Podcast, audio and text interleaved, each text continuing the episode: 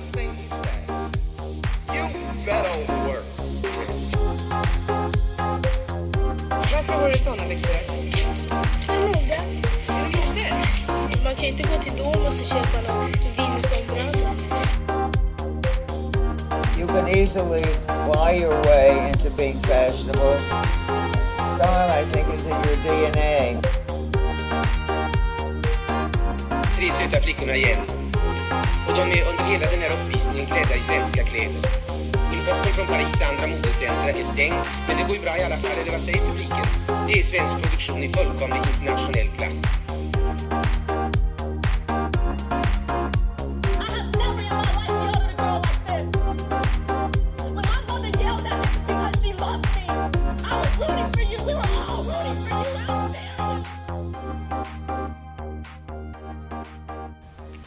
Alltså där då. Nu är vi igång. Välkommen till avsnitt 12. Faktiskt. Mm. Vad har vi att säga idag innan vi sätter igång? Jo, båda har varit förkylda i veckan. Ja, lite krassliga fortfarande. Så förlåt våra röster, men vi är ändå väldigt taggade på att spela in det här avsnittet. Ja, speciellt Saga är väldigt glad att hon har en röst idag. Ja, för det hade inte jag igår, så att det här är ett mirakel. Ja, verkligen. Ett modemirakel. Ja, vi är inne i sista, för imorgon kommer ju det här avsnittet. Idag är det torsdag. Ja, vi fick skjuta upp inspelningen lite, men nu är vi igång. Och eh, idag kommer vi viga hela avsnittet åt ett plagg som är lite bortglömt i dessa tider kanske. Ja, och som man kanske inte ens tänker är ett plagg. Kanske så här, nästa generation kommer knappt ens veta vad det är, typ. Nej. Förut, när man var liten, hade man ju ändå ett alltid hemma. Har du ett hemma idag som du använder liksom? Jag använder inte, Nej. jag skulle inte säga det, men, men det vi pratar om är typ, är det ens ett konstruerat plagg? Alltså det kan i princip vara en rektangel med två band på. Ja. Förr var det ju mer som ett plagg. Nu är det ju inte det. Det dyker upp när man ska klä ut sig ibland. Ja, och de här stjärnkockarna, speciellt männen, vill ju gärna ha ett lite tufft i läder. Eller när de grillar. Ja, Ja, och sen så kan man ju också säga att det finns en annan betydelse av det här plaggets namn, i alla fall på svenska. Faktiskt inte på andra språk. Men det är så här att om, om du förr i tiden i alla fall skulle typ på dejt och du var ung och ogift, då var man tvungen att ha med sig en person som liksom såg till att det inte hände någonting. gärna då en äldre dam. Och hon kallades ju för, Ett förkläde. och det är det vi ska prata om i dagens avsnitt. Yes, förklädet. Vi har i alla fall inte upptäckt att det finns på liksom andra språk att det är samma ord, plagget och den här äldre damen. Nej, men du hade ju något spår där med engelskan. Ja, för där så skulle man ju säga chaperone. You have to bring a chaperone. men, men, och ett förkläde heter apron. Och jag kan ändå tycka att de orden är lite lika. Ja. Men jag är inte etymolog. Det blir lite som att man tar med en wingman typ.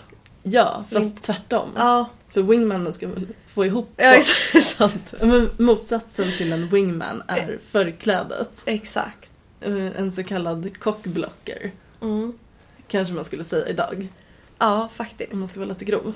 Eh, Ehm, Och som med mycket annat i historien så lyfts ju oftast inte kvinnan så mycket. Eh, Men det här plagget har haft en betydande stor be- betydelse än vad man kanske tror. Ja, gud ja. Men vi kanske kan börja med något personligt. Har du Moa någon egen personlig så här, koppling till förklädet? Nej, jag tänker mer kanske när jag var barn och var med farmor. Jag vet att farfar använde fortfarande förkläden när han typ steker pannkakor. När man bakade liksom. Men det är Ja. väl typ, när någon säger förkläde så är det väl det jag tänker på. Jag kan också tänka på gamla bilder på gamla släktingar och sånt där som ser väldigt stelt uppradade ut och den, någon kvinna kan ha ett förkläde på sig. Jag är väl lite där på samma, att man tänker på äldre generationer. Morfar har alltid när han diskar. Mm. Och jag har några förkläden hemma faktiskt som är från mormor och gammelmormor. Mm, fint. Som jag tror att min gammelmormor har sytt och broderat och sådär. De är jättefina. Eh, och då kanske man knappt vågar använda dem för att förklädet ska man ju då ha när man typ bakar och kan spilla på sina vill skydda sina kläder men de är liksom så pass fina att man inte vill spilla på dem. Men jag tror liksom också att förklädet kanske har bytt betydelse. För att jag, jag tänker att det är så här, ett förkläde är väl inte det finaste plagget man har. om jag skulle vara på en så här släktbild i ett fotoalbum då skulle inte jag ha förkläde på mig kanske. Men, men som du sa, att på gamla bilder kan man se kvinnor i fina förkläden. Ja, och man hade olika förkläden för olika ändamål. Det var liksom en stolthet att ha ett fint förkläde om man ville ha med det på bild. Mm. Även om man inte fotade så himla ofta så. Men en grej jag kom på också, för det är kul att vi har det här avsnittet just idag. Vi har faktiskt pratat om att ha det här ända sedan vi pratade om podden. Ja, Eh, Men sist när jag var i Blekinge där vi lantade så fick jag faktiskt ett förkläde av min farmor. Men det är inte sådär fint som ett som du har med dig utan det är ett gammalt postenförkläde med gamla postenloggan. mm. Eh, Och den känner jag att jag kommer ha när jag har en ambition baka någon gång i mitt liv. vad kul. Mm. Men det är ju någon mysig känsla med att ta på ett förkläde till julbaket. Ja, Känns väldigt Madicken. verkligen. Inför det här avsnittet så har ju vi läst på lite om detta snart kanske tyvärr bortglömda plagg. Och eh, jag har läst en gammal, gammal artikel i Fataburen från 1921 som är skriven av någon som heter Gerda Cederblom. Och Fataburen är liksom Nordiska museet och Skansens årsbok där de sammanfattar olika ämnen kring sina samlingar. Kommer ut fortfarande varje år tips. Det finns online. Och sen så var det en länk från Norrbottens museum där de gick igenom förklädets historia som också var superbra. Mm. Vi har också gått tillbaka till en bok som vi använt en gång tidigare som heter Förklädesboken Gamla och nya förkläden att sy själv som skrevs av Kerstin Lokrans 1989.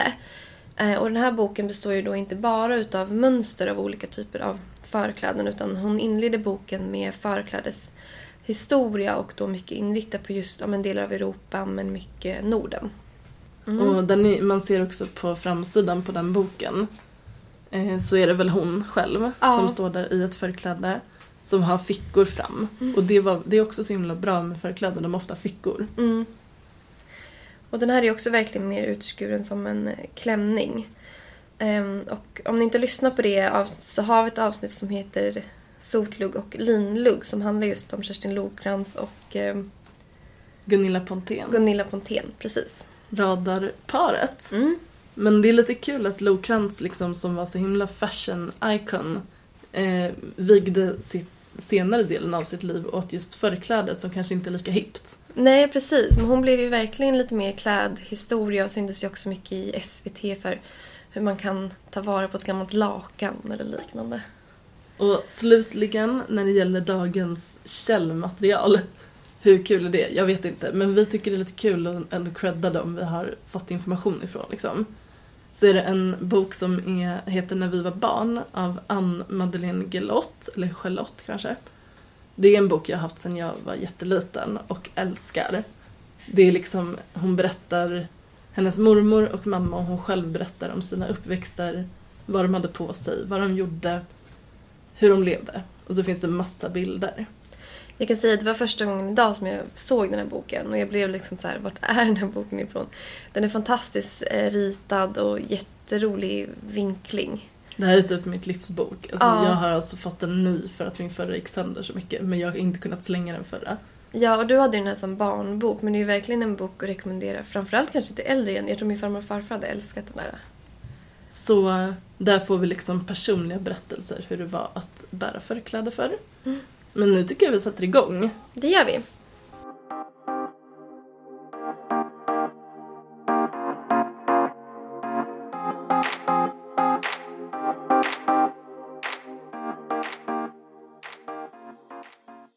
Vi vet inte när det uppkom i Sverige.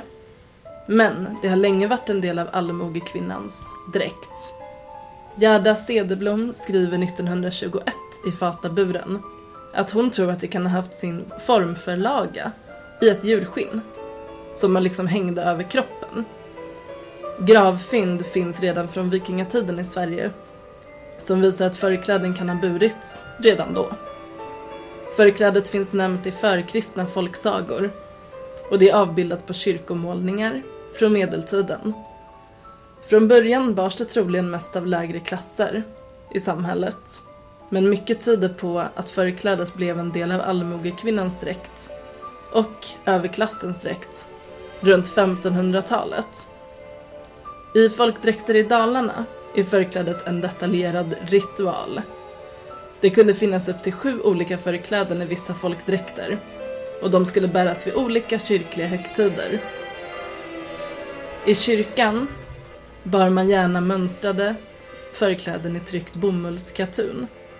Och det var viktigt att göra rätt.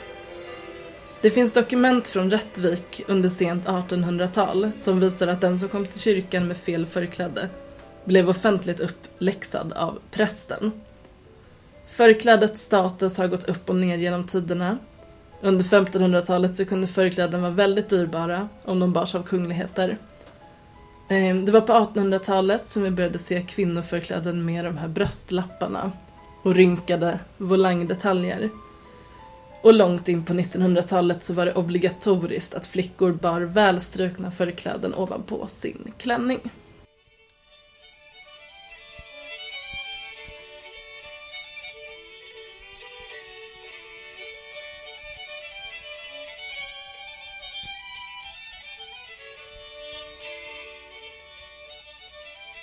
Men som vi nämnde så vet man i alla fall bevisat ungefär hur länge förklädet har funnits i Norden.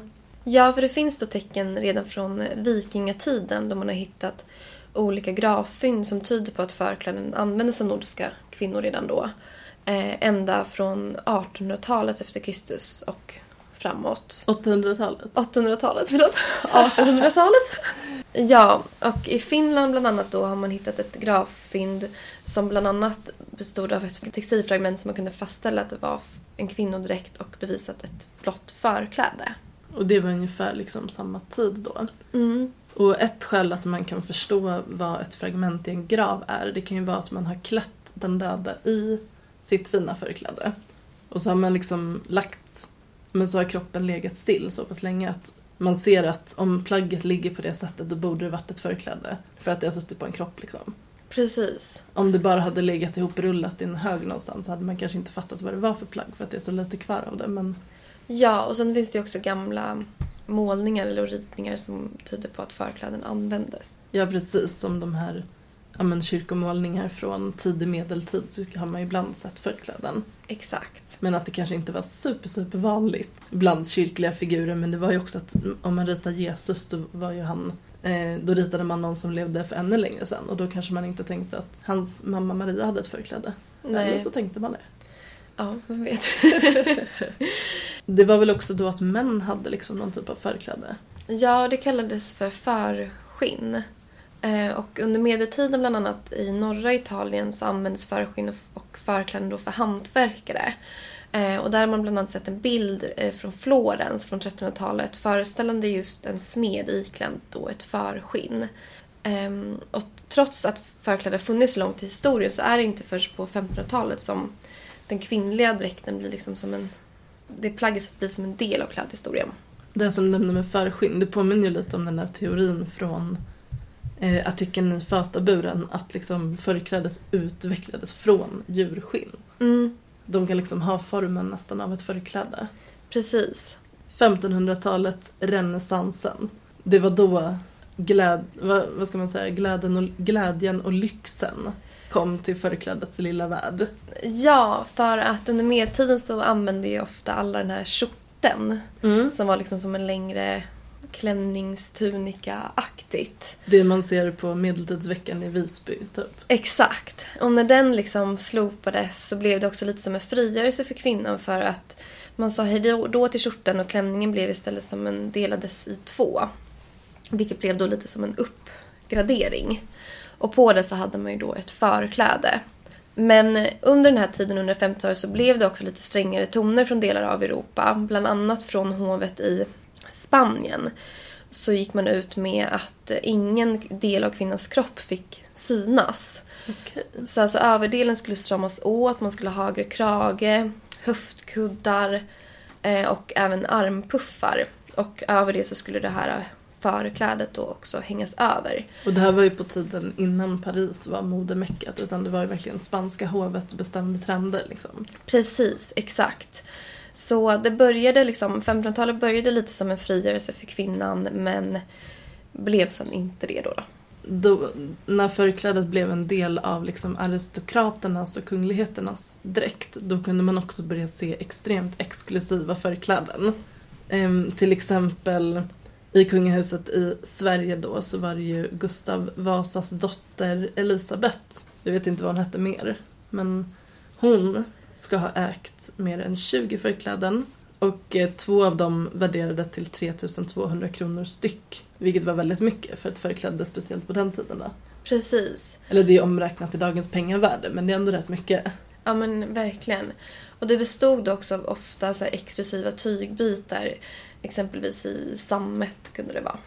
Och eh, det är väl lite, tänk om man idag skulle gå till Gucci och vilja köpa ett lyxigt förkläde.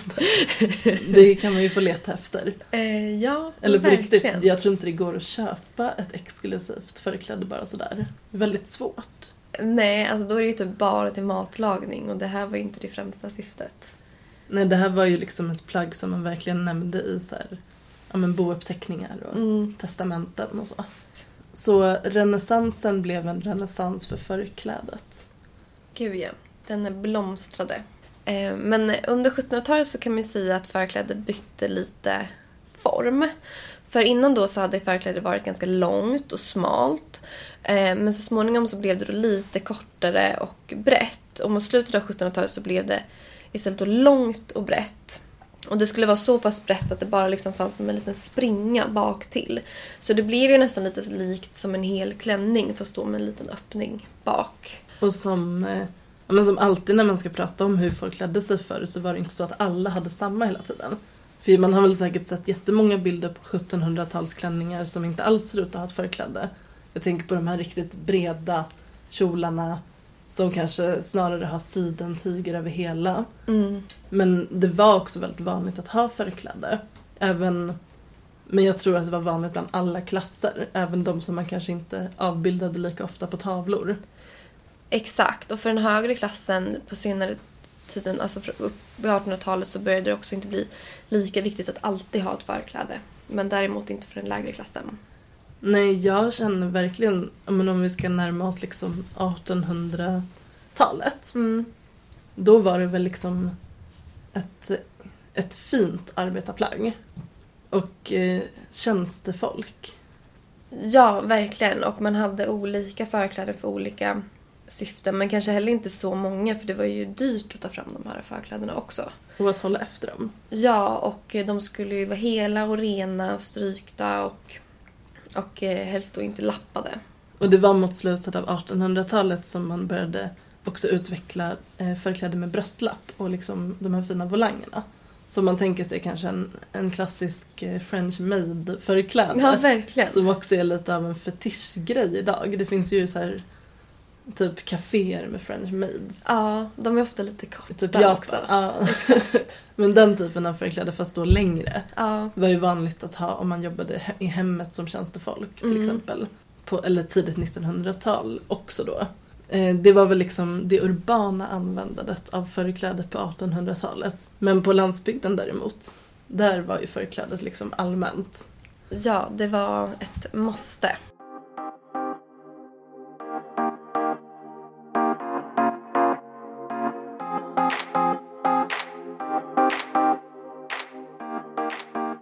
Vi ska komma in på ja, men vad man hade på sig på landet.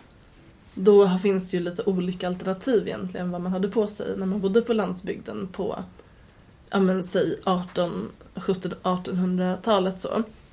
Modedräkt, det var lite det vi snackade om. Det är liksom det urbana, det trendkänsliga, det man bar i städerna och typ inspirerades av internationella. Som att någon i Stockholm kanske var inspirerad av spanska hovet då. Eh, folkdräkt, det är ju mycket mer lokal dräkt och så här rituellt förankrad i så här, ja, men materialen, hur man syr den, vad den betyder. Ja, men den är väl i Sverige ganska ofta färgglad. Mm, verkligen. Eh, man har sin speciell kanske landskapssöm som man säger med. Det påverkas inte av trender liksom. Har man skapat en folkdräkt så brukar den behålla samma form rätt länge. Ja, än idag. Än idag. Och eh, folkdräkter var också det som till exempel när Nordiska museet byggde sin modesamling slutet på 1800-talet i den här nationalismeran. Då var det ju folkdräkter man valde att samla in från landet. Men det var ju inte bara folkdräkt man hade om man bodde på landet. Jag tror kanske att nordiska var lite för på det här med folkdräkten så man glömde att de flesta hade ju bara på sig helt vanliga kläder på landet. Ja, man hade velat ha insamlande förkläden mer. Jag bara helt vanliga förkläden Mm. från typ en piga. Ja, Men det var inte, de ville ju ha det där som stack ut som var färgsprakande. som man såg på högtiderna. Men det som många också hade, det var ju alltså bara en folklig modedräkt kallas det. Och det var att eh, folk på landet kanske inte var supertrendkänsliga. De följde trender lite grann. Men de hade typ vanliga kläder på sig liksom. Det behövde inte vara något special. Det behövde inte vara något rituellt. Det var bara en kjol och ett förkläde och en blus till exempel. En byxa och en väst. Så att det fanns lite olika sätt att klä sig. Men folkdräkten har ju liksom, eller både folkdräkten och den vanliga folkliga dräkten in, innebar ju förkläde såklart. Men det var ju då på slutet av 1700-talet och framförallt 1800-talet som det blev den här skillnaden mellan bondesamhället och hovet. Där man, bondesamhället var tvungen att ha förkläder. Det var liksom en regel. Eh, Medan en kvinna från hovet eller kungligheter behövde inte längre ha det som ett regel så att säga. De gick skilda vägar. Mm. För ingen då kvinna från bondesamhället fick då inte ens visa sig utan sitt förkläde. Kan man säga att förklädet blev lite mer, kanske inte för lantligt, men det blev, det blev för lägre klasser. Ja, Hovet ville särskilja sig. för då kommer vi då till den så kallade bygdedräkten som vi beskrev lite nu också. Ja, folkdräkten. liksom. Folkdräkten, precis. Förklädet blev då en del av folkdräkten. Och ofta så var den i, gjort av ylle och lin, men senare kom- så kom ju även bomullen. Så det kunde vara lite olika. Men till högtider så skapade man lite finare dräkter i ett material som man kallade för rask. Och det var ju ett ylletyg men som då var vaxat. Så att det var lite, lite finare helt enkelt. Ja, men det utvecklades väl lite. Många folkdräkter har nog fastnat i så här 1700-talets Mm. breda förkläden. Och de är ju ofta väldigt färgstarka. Jag tror att har man varit på Nordiska museet eller ett bygdemuseum så har man ju sett de här förklädena som verkligen liksom sprakar. Precis, och till fest så var de ju ofta då tryckta men till vardags så kunde det ofta vara lite randiga förkläden. Och till en början så var det lite mer breda ränder men som sen blev lite mer smala ränder. Och jag tror, jag kan ha fel, men jag tror att man kallar just de här förklädena idag för lite så här Carl Larsson-förklädena. De är lite klassiska som man ser på målade bilder. Det låter rimligt. Mm. Eller, jag är inte säker, men kanske. Men jag förstår vad du menar. Mm. Men så fanns det också då en gyllene regel. Och det var att förklädet fick inte vara kortare än 5 cm än själva kjolen. Eh, och att förklädesbanden, de skulle knytas på midjan av varsina sida. Eh, och det fanns också så att vissa hade samma band till olika förkläden. Så man liksom bara trocklade fast banden och tog bort dem för sig när man tvättade. Så det var de- så fina band. Ja, precis. Eh, så de kunde man använda eh, länge och till olika förkläden. Jag har också hört en historia från allmogen. Eh, lite som jag nämnde att man kunde bli bannad i kyrkan om man kom med fel förkläde till sin bygdedräkt. Mm. Så var det också liksom brukligt att eh, kvinnor gärna inte skulle åka till kyrkan under någon period. Man skulle gå till kyrkan. Eh, om man, en kvinna som skulle gifta sig skulle till och med springa till kyrkan. För att visa att man har bråttom. Ett så kallat brudlöp, alltså bröllop. Mm. Och eh, när man när man var ute och sprang eller gick till kyrkan som kvinna och det var kanske varmt, då ville man gärna hålla upp kjolen, sin långa kjol. Men om man gjorde det, då, då visade man ju någonting syndigt. Så då var man tvungen att ha ett förkläde under sin kjol också. Och då var man tvungen att ha en annan kjol under det förklädet. Så att så här, många kvinnor kunde liksom ha flera lager enligt den här historien då. Av förkläde kjol, förkläde kjol, för att man skulle kunna lyfta upp några av lagren medan man tog sig till kyrkan. Och så väl framme då så fick man släppa ner alla kjolar och förkläden igen. Ja. Men man kunde liksom inte visa en kjol som inte hade ett förkläde ovanpå. Nej, jag tänker vad opraktiskt att arbeta med de här plaggen. Ja, verkligen. Jag kan ändå tänka mig att så här, med familjen på åken kanske man kunde hissa upp kjolarna, Ja, hoppas jag. verkligen. Men det var ju då runt 1800-talet som folkdräkten blev också den blev väldigt stor bland de högre klasserna. Och Det gjorde en revival. Precis, fick en revival runt om i hela Europa. Det var väl för att visa så lite vilket fosterland man tillhörde, vart man kom ifrån. Det är den här nationalistiska tiden som startar igen. Exakt. Eh, och drottning Victoria då inspirerades ju såklart av denna trend och hon skapade då en egen folkdräkt, den så kallade, som hon kallade då för sin Ölandsdräkt. Och den inspirerades av olika traditionella öländska folkdräkter. Eh, men, i det här, men hon då slopade helt förklädet. Eh, för det ansågs då inte längre passande för en drottning. Så det var väl lite ett statement från drottning Victoria. Så när kungligheter skulle bära folkdräkt då var det utan typ det viktigaste i folk, folkdräkten. Ja, förklädet.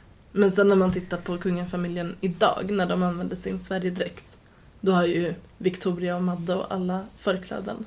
Ja, som tur är så är hovet lite mer folkliga idag. Precis. Folklig modedräkt. Mm.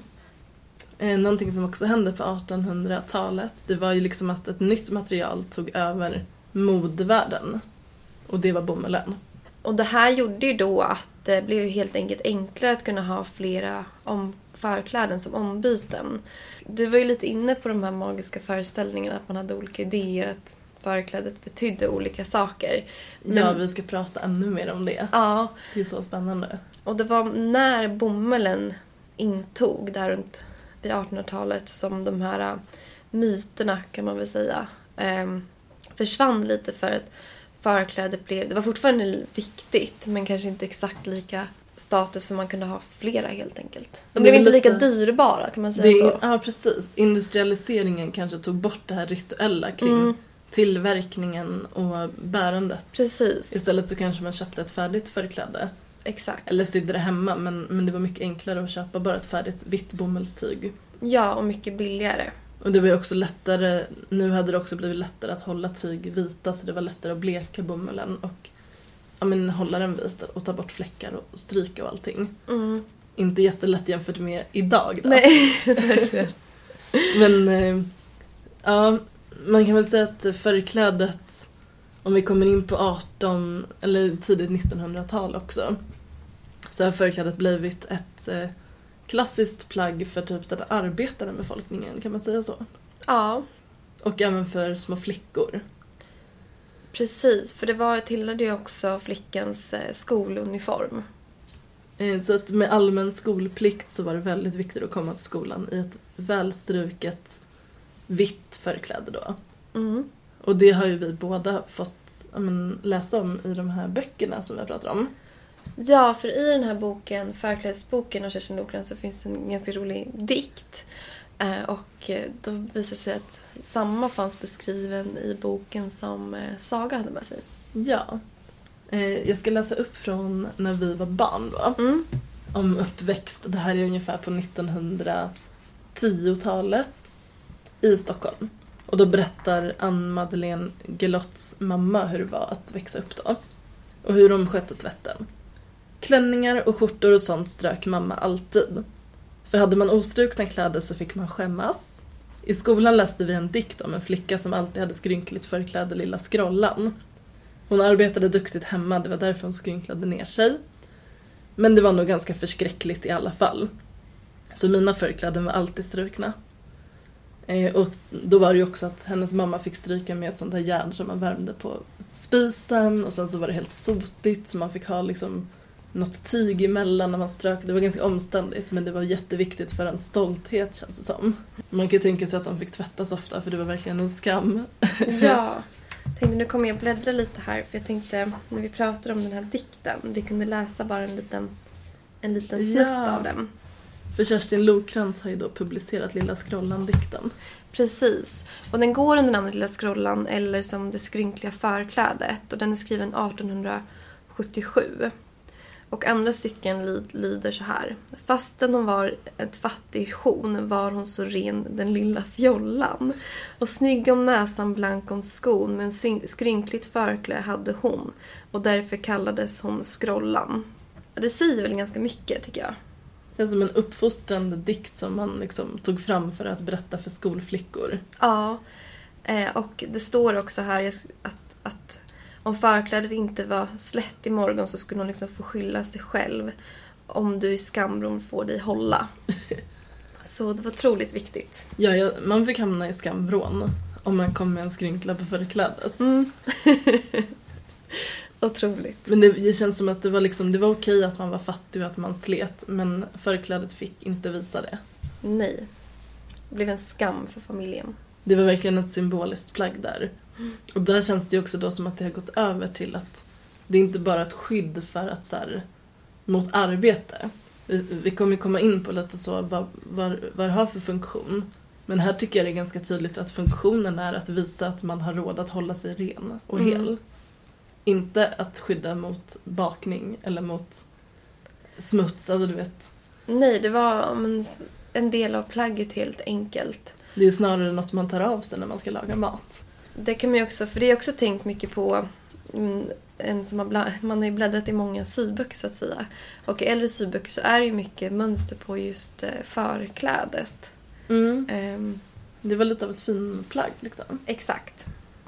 Du hade ju så roliga, eller fina historier också om förkläden i Lokransboken. Ja, för det finns då, här är en berättelse från sekelskiftet.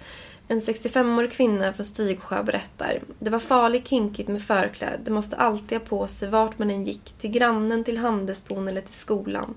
Och det skulle vara rent å. Jag minns när jag var fem år och hade gått till handelsbon olovades ett smutsigt förkläde. Sedan fick jag risbastu av mamma. Så kinkigt var det. Vi hade en födorådsgubbe hemma och varje gång han såg mig i nystruket förkläde sa han Lilla, sjö, lilla jungfrun är fin. Hemma sa de också om förklädesbanden lossnade. Då var man i lilla vännens tankar så slarvig att det inte fick hända. Det är lite oklart skrivet, det är gammel, gammal Dialekt. svenska och dialekt. Möjligtvis menar hon kinkig. Ja, kinkig, inte kinkig. Men ni förstår. Ja. Det fanns en annan berättelse här från en 75-årig kvinna från Hängdånger berättar. Visst hade man förklä. Jag är uppvuxen med förklä. Jag vet aldrig att jag varit utan förklä. Ja, till kyrkan var det inte vanligt i min tid. När man hade söndagsförklän och vardagsförklän och säckförklän att bära ved i och tvätt. Och man gick och plockade ax i säck, sack, säckförklä. Ja, man typ klippte en liten Säck. säck och band runt den. Exakt. Med lite mindre fint förkläde. Mm. Där kan man ju prata om att det är lite skyddsplagg och Ja, för det började bli så lite mer in på 1900-talet. Och då var det mer, ja, men mer praktiskt och sen har fortfarande flickorna varit tvungna att ha det till skolan. Ja men man ser ju verkligen bilden framför sig också som vi var inne på att just hembiträdet hade ett förkläde. Och eh, under 50-talet då när hembiträdet kanske fick liksom stå tillbaka lite för hemmafrun som Mm. istället fick vara hemma och göra hembiträdets sysslor gratis. då blev det väl, det kanske fick en lite annan form förklädet. Ja, för då var det lite mer de, den lite finare hemmafrun. För då hade man ju också råd att frun också kunde vara hemma. Eh, och då var det liksom ett elegant plagg att bära i hemmet. Jag ser framför mig att man har ett, en vippig kjol och så har man ett litet förkläde knutet i midjan ovanpå det liksom. Mm. Eh, Men om vi backar tillbaka lite så var det faktiskt ända in på 30-talet som man ansåg att, eh, eller som det var ett tvång på att flickan, flickorna skulle ha förkläde i sin skoluniform. Ja men det ser man också i den här boken för eh, författaren själv växte upp på 40-50-talet och hon verkar inte ha haft förkläde i skolan. Däremot så ser man att hennes mormor fortsatte använda förkläde hela sitt liv. Ja. Hon som var född på 1800-talet. Och de var ju också, det finns också en bild här i Kerstin Lokrans bok och då är det att det är liksom lite volanger vid ärmarna och längst ner och sen är det liksom som knutet med två knuten bak till.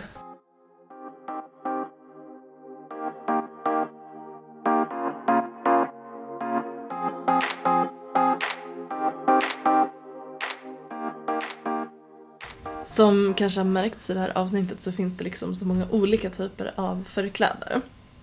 Och eh, det är lite oklart vad själva funktionen är alltid. Men så här, om man sammanfattar det så kan förklädet skydda vid olika arbeten. Eh, Det kan vara bra att bära saker i, som ved till exempel, om man har ett säckförkläde. då. Och eh, det kan bara vara ett modeplagg. Som, är- och ett sätt att visa sin liksom, renlighet och värdighet. Och eh, det finns ju också väldigt många olika modeller av förkläden. Ja, den skiftade ju form med åren som vi var inne på. Att den först var lite smalare, sen bredare. Och sen så blev det ju också bara en del av kjolen fast med ett annat tyg. Ja, att så här, framvården var sydd i ett annat tyg och det kan också kallas förkläde. Mm. Och man har knutit dem kring midjan, man har haft en bröstlapp och även knutit runt nacken då. Och eh, de har kunnat vara i allt från bomull till skinn. Och eh, de har ju burits av kvinnor, män, barn, alla samhällsklasser från tid till tid då. Och dessutom så har förklädet faktiskt förekommit som en form av underplagg, tycker jag är lite kul. Ja, det kan man inte tänka sig. Det var vissa grupper, till exempel när Linné var på sån här Sverigeresa så var han i Lima socken som jag nu inte ska uttala mig om men jag tror att det kan vara i Dalarna för att jag tror att han uppskattade att ta reda på vad folk hade på sig där, det verkar så. Mm.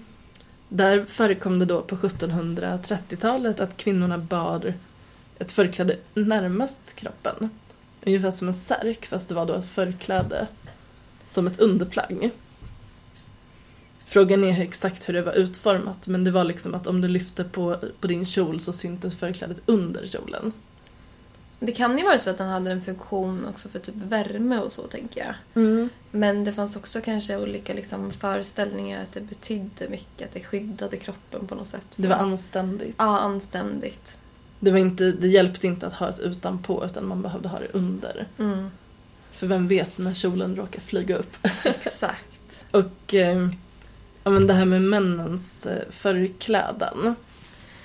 Ja, för att som sagt, det var ju liksom länge ett måste för kvinnan att ha ett förkläde och det fanns också mycket vidskepliga föreställningar som vi också kommer komma in på. Men så var det ju inte riktigt då för mannen.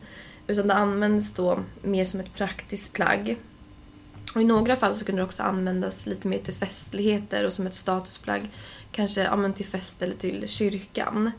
Ehm, det finns också ett exempel att bönderna kunde använda det på vintern. Eh, för att skydda benen mot att ja, men inte frysa helt enkelt. När de satt i häst och vagn liksom, på väg till kyrkan. Exakt. Och vid skogsarbete på vintern så kunde man använda sitt förskinn när man stod på knä, knä för att skydda knäna. Då. Eh, och även mycket liksom i gjut- gjuteri och smedjan för att liksom skydda sig mot hettan. Så det var liksom rent av ett praktiskt plagg. Eh, och det var runt slutet av 1880-talet som ungdomarna då tröttnade på att använda det här så kallade förskinn. Eh, det ansågs för lite töntigt, jag vet inte. Men eh, det var i alla fall länge liksom att man ändå använde det till många olika ändamål. Ja, jag tror ändå att jag skulle kunna, alltså så här, tänk en, sme, en klassisk smed. Mm. Jag ser typ framför mig att de har ett stort skinnförkläde. Verkligen. Även idag. Men vad vet jag? Ja, men det var ju då ett, det så kallade blåförklädet som kom i viss mån att ersätta det här förskinnet. Och det användes mycket av så här snickare, skomakare, vagnmakare och brevbärare och sådär. Och jag vet inte exakt vad de menar med blåförkläde men jag antar väl det här klassiska blå förklädet som man Ja. fortfarande ser idag. Jag tänker också det. Mm. Lite liknande blåställ i stilen. Precis. Men det är kul att förklädet ändå faktiskt så pass länge har varit ett unisexplagg. Mm. Det är, både män och kvinnor kan ju ändå ta på sig ett förkläde när de ska laga mat. Ja. Men sen var det också, för jag kommer att tänka på det med blåförkläden, att det används, för männen of, använde ofta vita förkläde om de var slaktare eller arbetade med porslin. Så du kunde ändå Mm. ha lite så här olika, ja, olika utseende beroende på vad man gjorde så att säga. Och små pojkar under sekelskiftet hade också ett litet förkläde. Lite så här, det var väl öppet i rygg, knäpptes i ryggen liksom. Det var som, liksom, som en korsning i ryggen. Den var ju lite mer som en t-shirt. Jag tänker lite så på barnen i Bullerbyn, men jag kanske har fel där. Men jag ser någon bild Kanske de yngsta barnen har Ja. det är nästan som en liten tunika-aktig liksom. Exakt, precis. Det skulle ju skydda när de var ute och lekte. Mm. Och sen lite kul tycker jag är att i vissa delar av Europa, eh, bland annat Rumänien, så har man burit förkläde både fram och bak.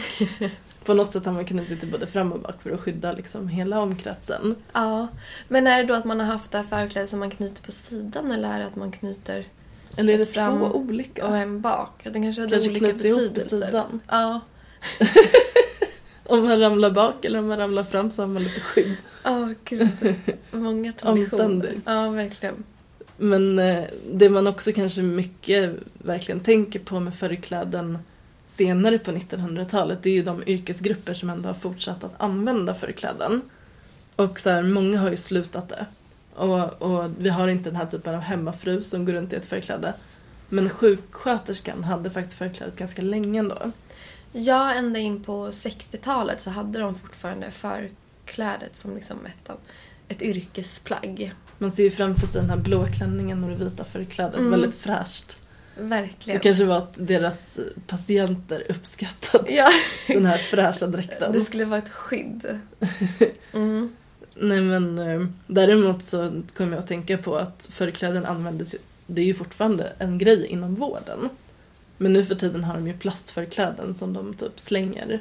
Ja, verkligen engångsanvändning. Det är trist, men kanske Ja. hy- hygieniskt såklart. Men Ja, men man önskar att man kom på någon bra teknik där. Att man typ kunde hänga in dem i ett skåp och så bara dödades allt. Ja, för det är inte hållbart. Nej, verkligen inte. Men kirurger drar ju alltid på sig ett plastförkläde och så här, under covid så var ju det en del av skyddsdräkten. Ja, Då fick ju folk, volontärer började sy förkläden i plast åt Just vården för det var så stor brist på förkläden. gud ja, folk var verkligen kreativa. Så förklädet hade ju en roll under pandemin också verkligen. Ja, Som ett skydd mot Gud, ja. sjukdom.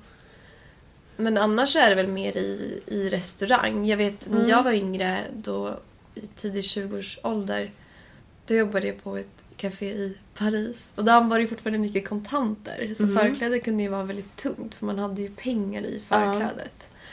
Jag vet också en sommar när jag jobbade i Gröna Lund och det fortfarande var mycket kontanter och man fick mycket mynt när man stod vid spelen. Det var också väldigt tungt. Och också väldigt smutsigt för man, Ja, det var det enda man hade för att typ snabbt kunna torka av händerna innan man liksom kunde göra det ordentligt. Ja, nu får jag så mycket minnen från när jag jobbade extra på bingo. Ja, det här kom till mig Under den här nu. tiden så var det så mycket kontanter så vi hade hela växelkassan i fickor i, i förklädet Ja. som vi knöt runt oss. Så att jag gick runt med så här många tusen i förklädet och Mm. delade ut bingovinster och sådär. Ja, herregud. Ja, det var jättetungt Ja. och skitjobbigt. Men nu tycker jag mer man ser att liksom kockarna har förkläde. Mm. Man kanske inte har samma användning nu när man inte har kontanter för man, jag menar kortläsaren behöver man inte riktigt ha i en ficka. Nej. Så förklädet är kanske mest använt i köket idag. Har vi landat i det? Ja. Mm, det har blivit ett köksplagg. Ja. Men nu kommer nästan min favoritdel. Vi ska ju avsluta med magi och mystik. Ja, när jag läste det här så var det otroligt eh, roligt. För vi har ju liksom hintat lite om det, att man hade mycket olika magiska föreställningar kring det här förklädet. Det kunde ha olika betydelse. Och vi tänkte rada upp några olika. Och vi hade ju ingen aning innan vi gjorde den här researchen att det faktiskt var så magiskt med förklädet. Nej. Vi tar dem. I en, vi har en liten lista. Ja. För, om man, för, för, för i folktron då så trodde man ju... Eller förklädets viktigaste uppgift var ju just främst att skydda kvinnan mot sexuella drifter, orenheter men också onda makter. Det blev liksom som en symbol för kvinnlighet och moderskap. Och trots att män också använde förkläden. Men deras förkläden hade ju ingen sån här betydelse. Nej, det var bara rent praktiskt. Eh, Så att, eh, ett exempel på det här med hur kvinnan skulle skyddas, det har vi på Jylland. Då fick en gravid kvinna inte bära fram barnet om hon inte bar två förkläden. Detta skulle skydda barnen från att inte bli olydiga. Och för att vara helt säker så kunde man ha det ena förklädet gömt under kjolen, bundet bak, bak på baksidan. Och det här skulle då rädda barnet från att inte bli horaktigt. ja. Så det var alltså under graviditeten. Ja, eh, man beskrev det som att man bar fram barnet. Men jag tror man till och med beskrev det som att man bar fram barnet till kyrkan. Och idag kanske man tänker på att man fysiskt bär det som vid dopet. Men man menade då att man bar det i magen. Om man var gravid och gick till kyrkan så Mm, skulle man ha två förkläden precis. för att undvika hor. Och det här förklädet som bars bak till under kjolen, det var också i Danmark här för att skydda mot onda väsen. Jag tror att det är lite ihopkopplat med horet också. Att det var liksom djävulen som drev en till det onda. Ja, jag tror också det skulle rädda barnet från att inte bli olydig. Och besatt av onda demoner och andar och sånt. Mm. Och det har också funnits både i Sverige och Norge har man sett olika seder där man liksom lägger det finaste förklädet ovanpå den som ligger död på dödsbädden. Då breder man ut det där för Mm. att liksom göra dem redo för andra sidan. En annan skrockgrej som jag tyckte var ganska kul det var att förr så skulle husmodern på gården då, på bondgården, hon sk- om de skaffade en ny ko så skulle hon lägga ett förkläde på tröskeln till laggården. Och den skulle man få kon att kliva på. Eh, för det skulle ge tur då med den här nya kon. Mm. och vi har varit inne på det här att förklädet skulle liksom vara helt och rent. Och det fanns då en sägelse att man inte då fick lappa sitt förkläde. För regeln var att så många lappar på förklädet, så många barn skulle du få. Och man ville ju då inte ha för många barn helt enkelt. Eh, Så det var själva myten kring att man inte skulle lappa sitt förkläde. Däremot har vi ju sett många förkläden med fickor. Mm. Så jag tänker att man kanske kunde sy på en ficka för att dölja en fläck då. Ja, det tänker jag. Man Som hade väl ändå sina, sina knep, tänker jag. Annars var det ju bara att slänga det om det gick sönder. Det gjorde man väl inte. Ja.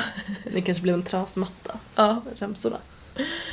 Ehm, för att förhindra att bli gravid innan man hade gift sig så kunde man också knyta ett extra förkläde under kjolen fast denna gång fram till. Och det är väl ganska rent så literal. Att göra, skapa en barriär. Exakt. och det kunde också vara då att man knöt också under kjolen också. Som extra.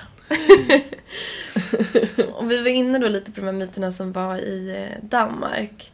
Och i Sverige så fanns det lite motsatta föreställningar om förklädesmakt. För under 1700-talet Sörmland så fanns en föreställning om att ifall en gravid kvinna mötte en kvinna med två förkläden var kvinnan då tvungen att ta av sig ett av dem. Annars fanns det risk att hennes barn skulle då få fallande sjukan och det var då begreppet för epilepsisjukan. och i Västmanland trodde man att det fanns att, man var, att barnet skulle bli, eh, om man mötte en kvinna med två förkläden, att det skulle bli snatteaktigt. Alltså typ sno eller? Ja, ett olydigt barn. Alltså det här måste ju också vara typ toppen på isberget. Ja. Det lär ju funnits ännu fler sådana här olika.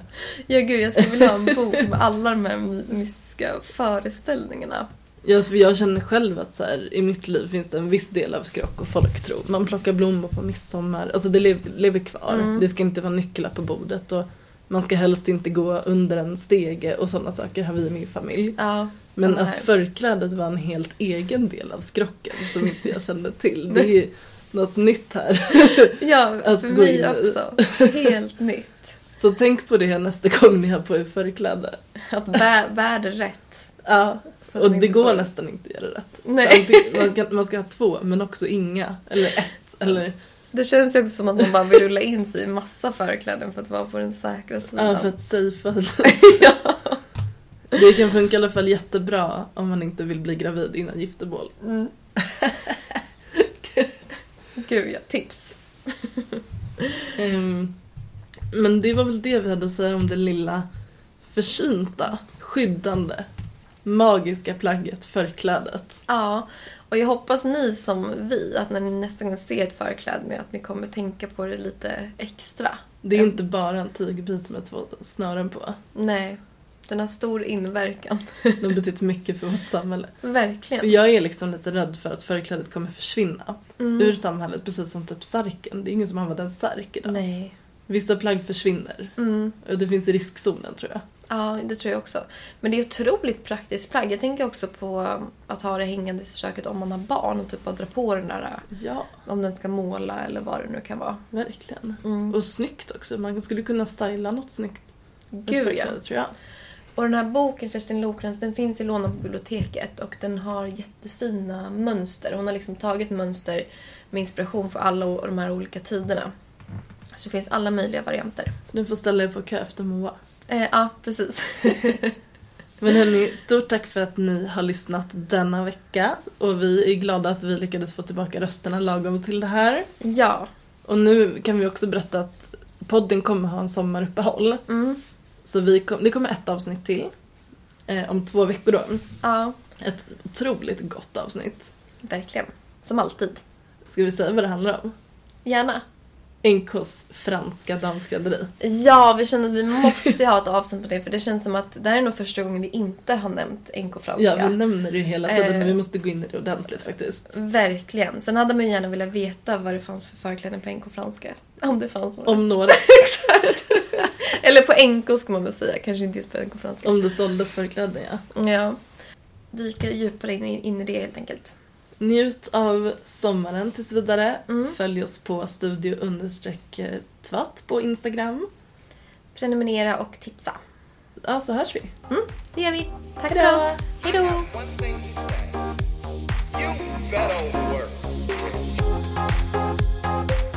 Varför har du såna byxor? Du modig? Man kan inte gå till Domus och köpa någon vindsombralla. You can easily lie your way into being fashionable. Style, I think, is in your DNA. Tre söta flickorna igen. Och de är under hela den här uppvisningen klädda i svenska kläder.